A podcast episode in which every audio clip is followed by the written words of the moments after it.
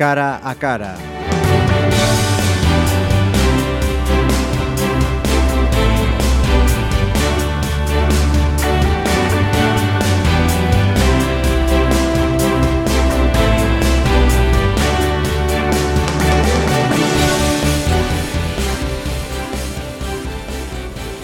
Saludos, bienvenidos a este cara a cara número 31 en el que vamos a hablar, a ver cómo lo explico, de una afición, una afición que viene por una circunstancia casual en la vida de un ingeniero.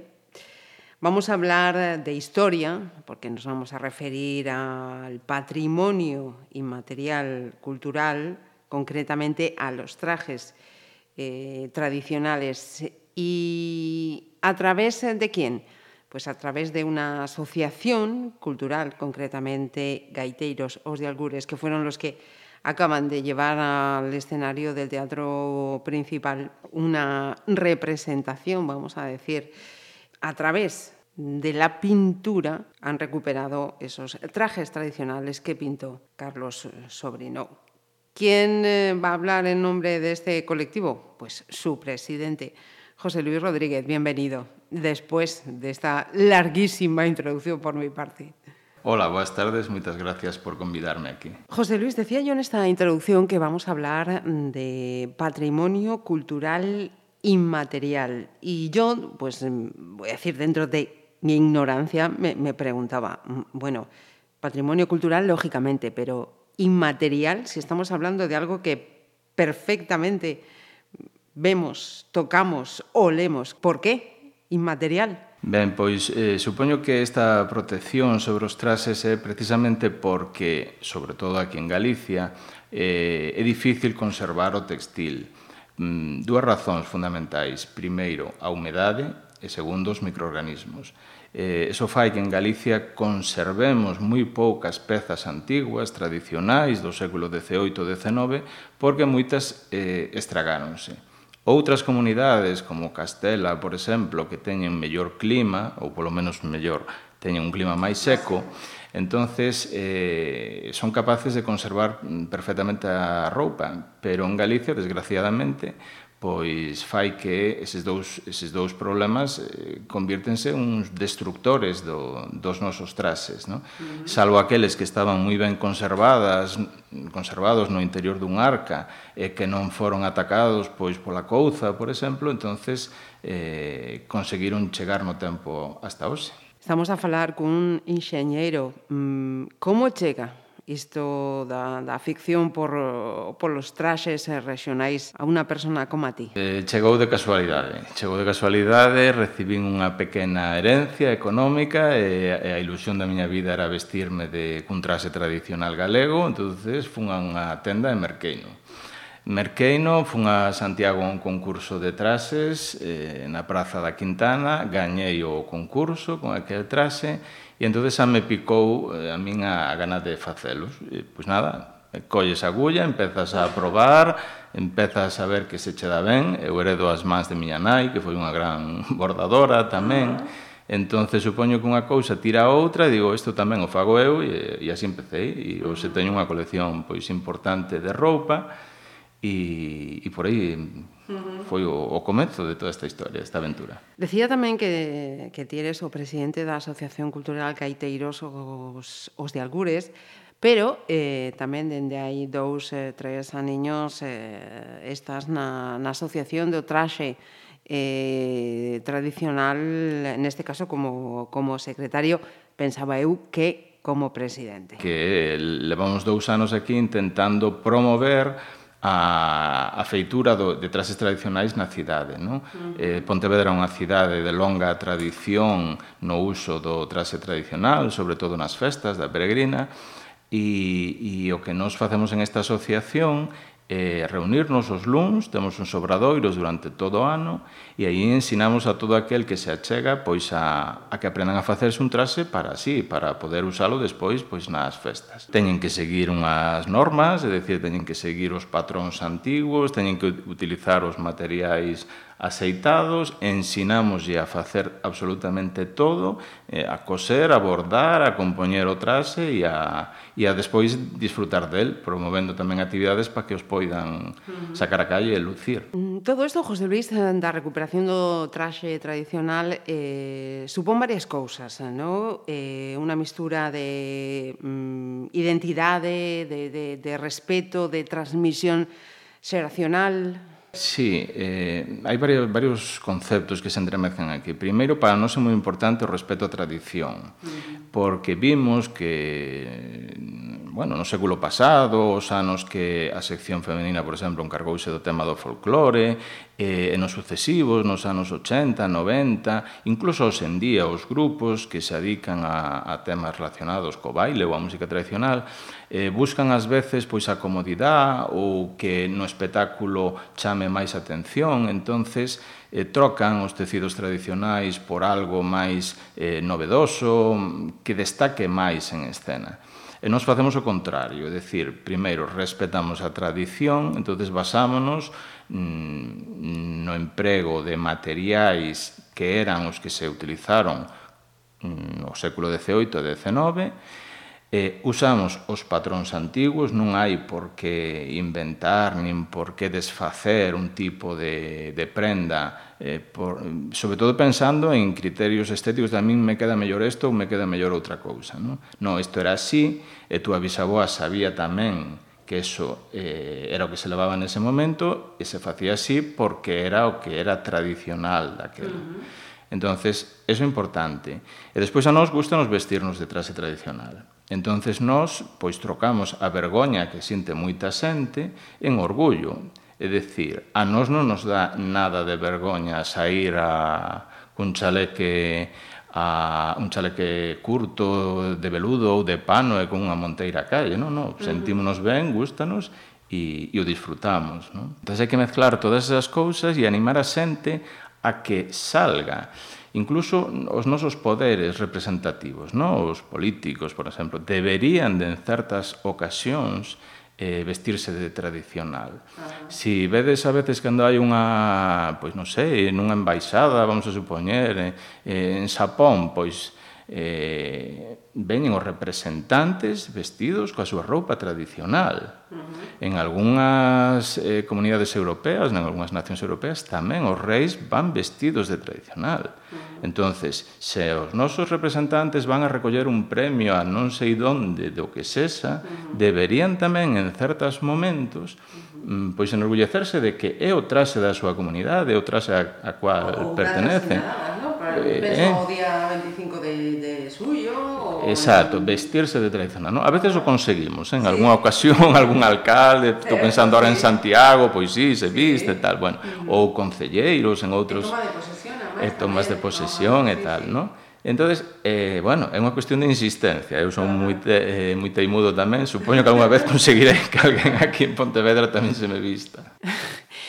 de que fontes eh, bebeis ah, para a recuperación de todos estes traxes, José Luis? Bueno, pois pues de, de varias fontes. Bueno, en primeiro lugar, dos fondos que se atopan mmm, guardados nos museos, sobre todo no Museo do Pobo, que conserva bastantes pezas antiguas, eh, cedidas por propietarios que xa non se podían facer cargo delas, Entonces vamos ali, tomamos as medidas, facemos fotografías, estudiamos eh, a, a costura desa peza, o bordado, o que sexa.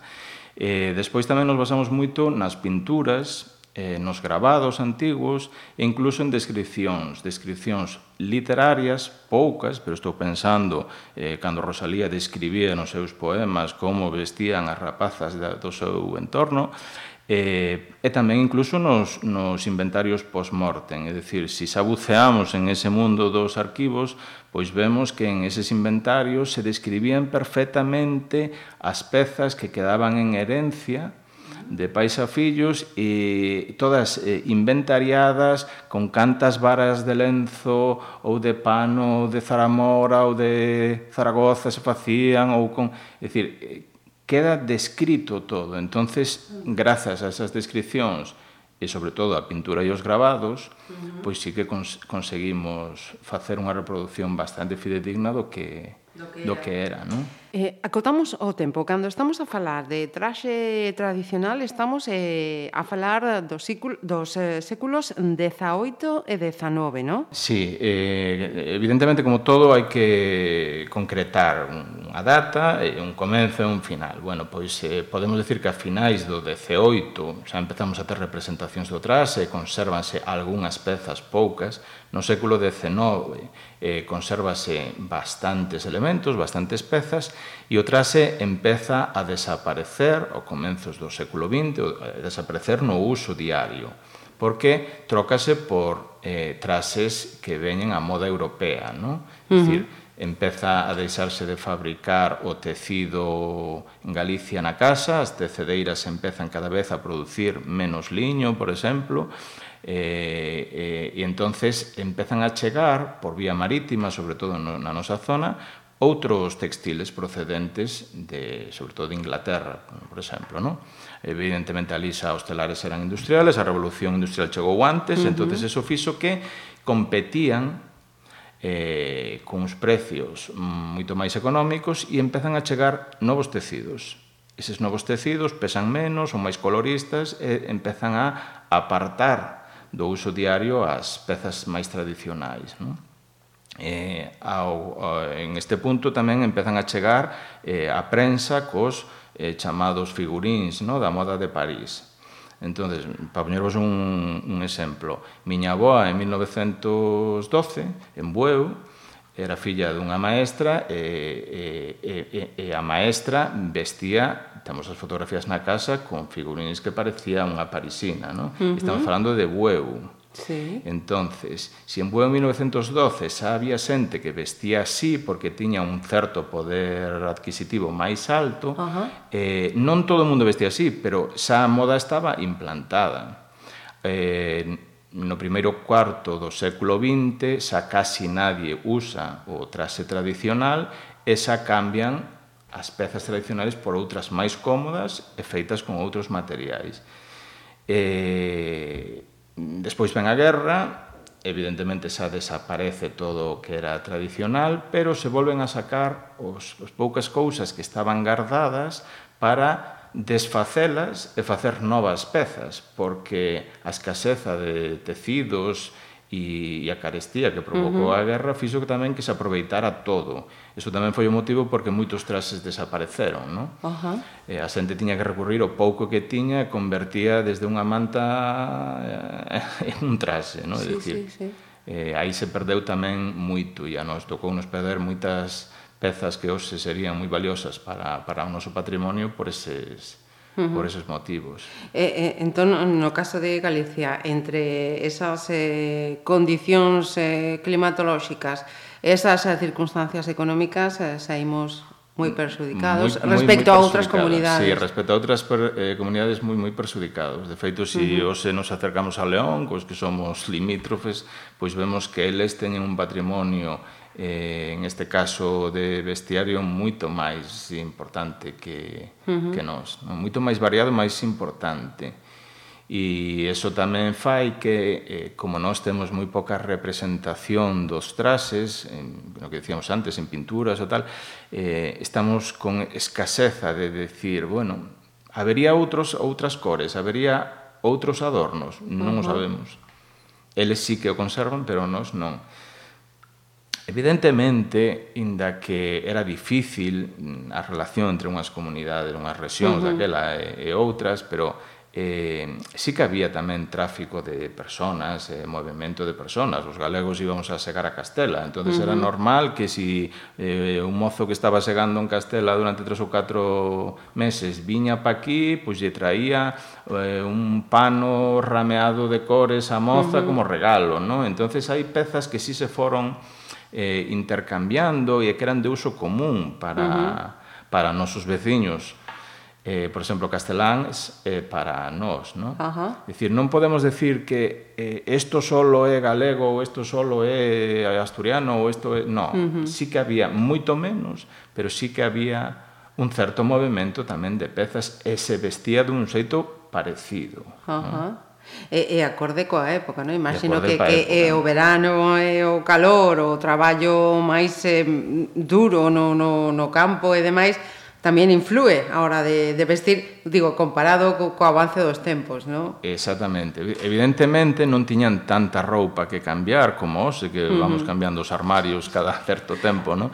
Pero, bueno, sí que había unha roupa para o verán, unha roupa para, para o inverno, non?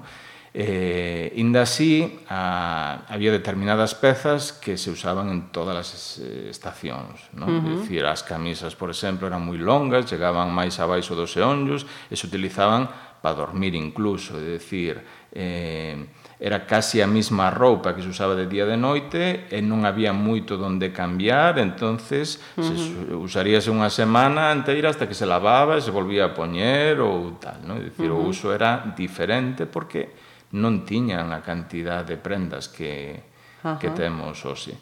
E, eh, nas clasificacións do traxe, pois, por un lado está eso, é dicir, a climatoloxía que se influye, evidentemente, pero depois tamén está o poder económico, é dicir, non vestían, dentro do o que chamamos tradicional, non vestían o mismo as clases máis acomodadas, no? que, que, o, que o povo. No? Uh -huh. E despois, eh, si un, vamos a supoñer, vivía nun povo, no rural, eh, no campo, e tiña que vir á vila, pois a visitar un abogado ou a unha celebración, unhas festas ou unha feira e tal, vestíase de xeito adecuado a esa circunstancia, o que iba a facer ese día. O mesmo que facemos nós, no? que temos un trazo mellor ainda para os domingos e outro para ir a traballar ou tal, no? Sí, sí. Pois eso sí que existía, pero uh -huh. con esas limitacións, o sea, menos mm, variedade, uh -huh. menos pezas, menos variedade e o que había na casa. Eh, unha curiosidade que, que estaba lendo tamén agora eh, venme a, a cabeza eh, Nuno dos, eh, dos cuadros, non, non lembro xa para, para que ocasión fora, eh, mm, sinalaba que eh, nas bodas no? eh, o traxe, o, o traxe, eh, o traxe da muller, de, da, da noiva, eh, era eh, o mellor traxe que tería na, na súa vida e que guardábase perfectamente. Sen embargo, o dome íase a utilizar en máis ocasións, digo, mira ti, prácticamente aí non, non mudou moito, a no, situación. Sí, é prácticamente o de hoxe en día, non? É dicir, hoxe en día as mulleres usan o cepauda, pauda, nada máis, e os homes despois o utilizan se traballan na oficina para pa levar a diario, non? Bueno, pois en, esta, en este caso tamén, é dicir, o traxe da muller é diferente ao do home, eh, sobre todo polos enfeites. Os traxes que se empregaban nas bodas eran traxes de garda, Chamanse de garda porque despois da boda gardábase nunha arca e non se volvía a sacar máis que ao mellor unha vez ao ano si acaso na festa do patrón para volver a lucilo.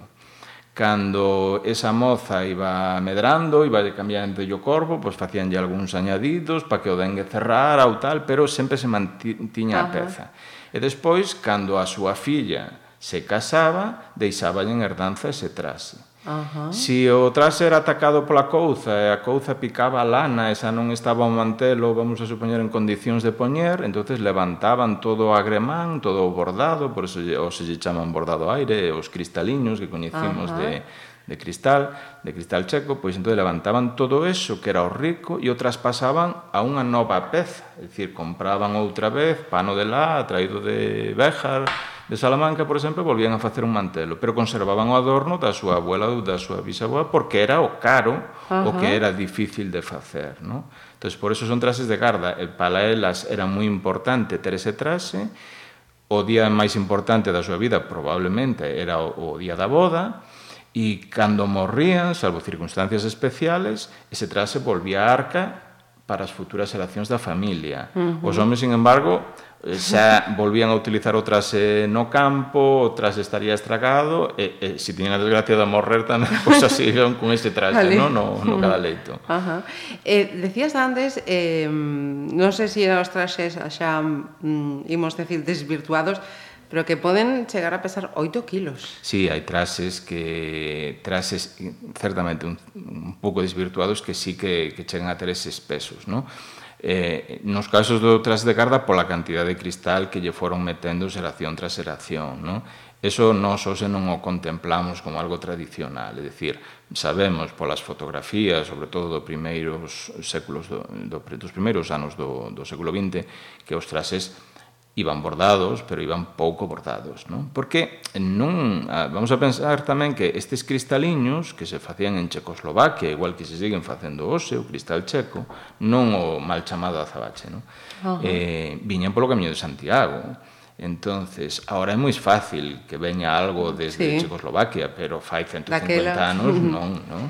Entonces, conseguir un pouco dese material nunha feira para bordarlle o trase, para que lucira un pouco máis o trase, pois eh, evidentemente era mm. costoso, cartos. costoso mm. e había que mantelo e guardalo despois, uh -huh. non? Uh -huh. e, eh agora nestes tempos, por exemplo, no, na, na asociación que é o máis eh, complicado? Eh, os patróns, a confección, eh, traer eses materiales eh, de entón, Eh, Manter pois, as técnicas e... Sí, a ver, é, é un pouco todo, é dicir, a xente que se achega a nosa asociación, eh, ai, eh, gustoume moito os trases que levades na calle, eu quero facer un trase e tal. Eh, entonces, eh, mira, eu tengo unha tela na, teño unha tela na casa que tal, podía tal, é unha tela moi bonita. No, é que isto non era o tradicional, é dicir, non se poden, non, non queremos que a xente faga eh, trases con cousas que non son da época, con tecidos que non son da época. Entonces, convencer, sobre todo, aos asociados que teñen que facer as cousas dunha determinada maneira porque así era o xeito de vestir entonces, uh -huh. eso é o máis dificultoso. Mm, cando xa, digamos, que entran en ese mundo do traxe tradicional, teñen que entender que é importante seguir o patrón antigo, que é importante empregar eses materiais, esas técnicas, incluso eses, eses dibuxos, es decir, eses mismos bordados no caso das mulleres, eh, eh, eses estilos de, de, de adornar unha monteira no caso dos homes, é dicir, hai que facelo así para ser tradicional. De non facelo así, bueno, pois pues, eh, acabas outra convertindo cosa. trase eh, pois pues, nun entroido, ¿no? Uh -huh. ou algo así. Uh -huh. Eh, imos agora, se te parece, eh, coa parte de, de, de difusión no? de, desta de recuperación de, de patrimonio. Eh, dende os de Algures, por certo, eh, xa tedes eh, experiencia nesto de, de participar en concursos e levar premios, ¿no? Por algo será. Sí, bueno, eh, levamos, eh, penso ahora que son 10 primeiros premios no concurso anual que se fai en, en Santiago, eh, porque, bueno, como gustanos eso reflexar a realidade, pois eh, despois vemos que o, o xurado, en este caso, eh, o, o valora, ¿no? Para uh -huh. nos é un orgullo ganar estes premios. Este ano levamos, eh, creo que eh, vosa casa pois fixo propaganda del, no Bran, un premio que eh, o, o mellor grupo. Uh -huh. Por que? Porque fixemos a representación precisamente dunha boda da montaña luguesa, ¿no? Entonces, iban todos os personaxes, es dicir, levábamos desde o cura, uh -huh. que iba co bonete, hasta os padriños, os noivos, os que bailaron a regueifa, os convidados e tal. Todos iban de acordo, vestidos de acordo a unha boda da aldea. entonces foi moi impactante. No? Uh -huh. eh, levamos tamén o, o grupo de música tradicional para que os noivos bailaran e tal. E, e, bueno, foi, a verdade é que foi no, un espectáculo na Quintana e, e gustou a todo o mundo, claro, uh -huh. o xurado, pero tamén o, o público, o público. asistente, ¿no? Uh -huh. E aquí tamén con éxito eh, unha exposición eh, no Museo Provincial. Sí, esa exposición foi o ano pasado, durante uh -huh. o 2015, eh, foi unha exposición que durou o mes de xullo e agosto, e aí eh, o que fixemos foi reproducir eh, 21 trases que estaban pintados nos cuadros que conservaba o Museo de Pontevedra. Uh -huh. Entonces aí había cuadros de Carlos Sobrino, pero tamén había cuadros de Sotomayor, eh, algún cuadro de Castelao, reproducironse entonces eses trases que se vían nesa pintura e foi mm, esa a trama, non? Eh, foi unha exposición importante, eh, acadou unhas 10.000 visitas en eses dous meses e para nós pois foi un eh, bueno, foi un aliciente, non? Porque uh -huh. se si o Museo de Pontevedra que eh, non musealiza calquera cousa nos chama para facer eso, eh, para nós é tamén un recoñecimento importante ¿no? uh -huh. en, en este asunto. Uh -huh. E pasamos a Estea, eh, xa tedes levado ao gaiteiro perfecto feijó Eh, nada, hai uns días a Sobrino. Sí, eh, Perfecto Feijó foi un espectáculo que montamos fai ano e medio no Teatro Principal eh, por dúas razóns. Primeiro, pola importancia que tiña para a cidade. Todo o mundo sabe que Perfecto Feijó era un boticario, outros eh, menos saben que era tamén gaiteiro, pero que descoñecía moita xente de Pontevedra era que el eh, sentía orgullo por vestirse co, co traxe tradicional, incluso costeou o, eh, eh, do, do seu propio pecunio o, o, os traxes dos seus rapaces, no? do, uh -huh. do, do primeiro coro de Aires da Terra. Entonces para nós parecíamos un, un home que, bueno, que sendo, digamos, un señorito, un de, de pertenecente ás clases uh -huh. acomodadas de Pontevedra, el quería que o seu coro e, e a súa música fora representada como uns anos antes eh, como un coro mm, procedente dun, dunha aldea no? uh -huh. e tradicional. Entón montamos ese espectáculo así. Era diferente, foi diferente a este de Carlos Sobrino que fixemos o sábado pasado. Eh, o, o, a estética de Aires da Terra era unha estética máis oscura. Eran traxes de garda, as mulleres que participaron en Aires da Terra estaban vestidas con mantelos ricamente bordados, con dengues, con cofias. O que vimos o sábado no espectáculo de Carlos Sobrino era totalmente diferente. Eran trases de domingar, trases de cotío, trases moito máis coloristas de xente do povo, non? No cartel xa se vía eh, a Praza do Teucro uh -huh. e estaban as mulleres eh, vendendo na Praza da, do Teucro pois con panos rameados, mantones de colores, flores eh, e moito máis colorido. Entonces, ese espectáculo de Carlos Sobrino basado en 13 dos seus cadros, cun fío conductor, unha historia que se estiveche uh -huh. despois seguiche desa vida de Rosiña, cantada polo cego e tal, eh, creamos esa historia cos cuadros porque entendíamos que Carlos Sobrino é moi, moi importante en Pontevedra como recuperador, eh, ou, mellor dicho, como recuperador, no, como testemunho do que foi o trase, si el pintou a esa xente porque esa xente estaba aí, uh -huh. en estas plazas, no? ou estaban en Combarro, ou estaban eh, no tríptico mariñeiro, no tríptico campesino, é dicir, estaban vestidos así, el viu eso, pintouno con moito uh -huh. detalle, e a non serviunos para saber como se vestían os pontevedreses en, en eses Naquel anos. momento. ¿no?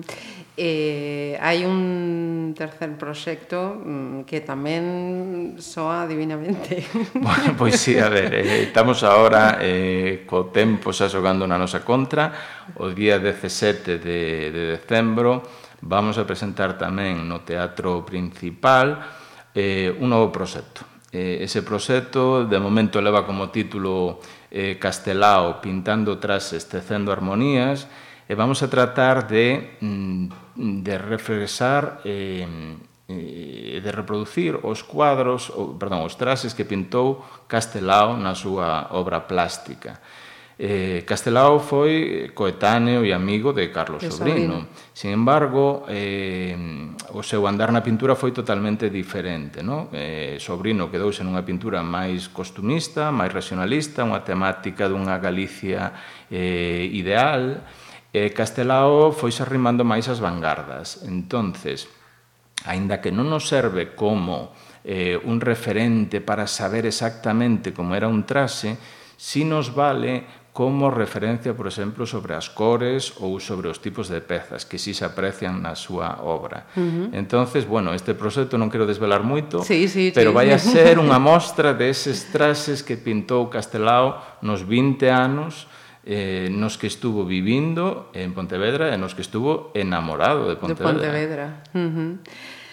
Pois, eh, José Luis, un placer, de verdade. Eu estaría horas e horas escoitando e aprendendo que me parece Algo espectacular o traballo que facedes. De Nada, verdad. moitísimas mm. gracias uh -huh. por convidarme.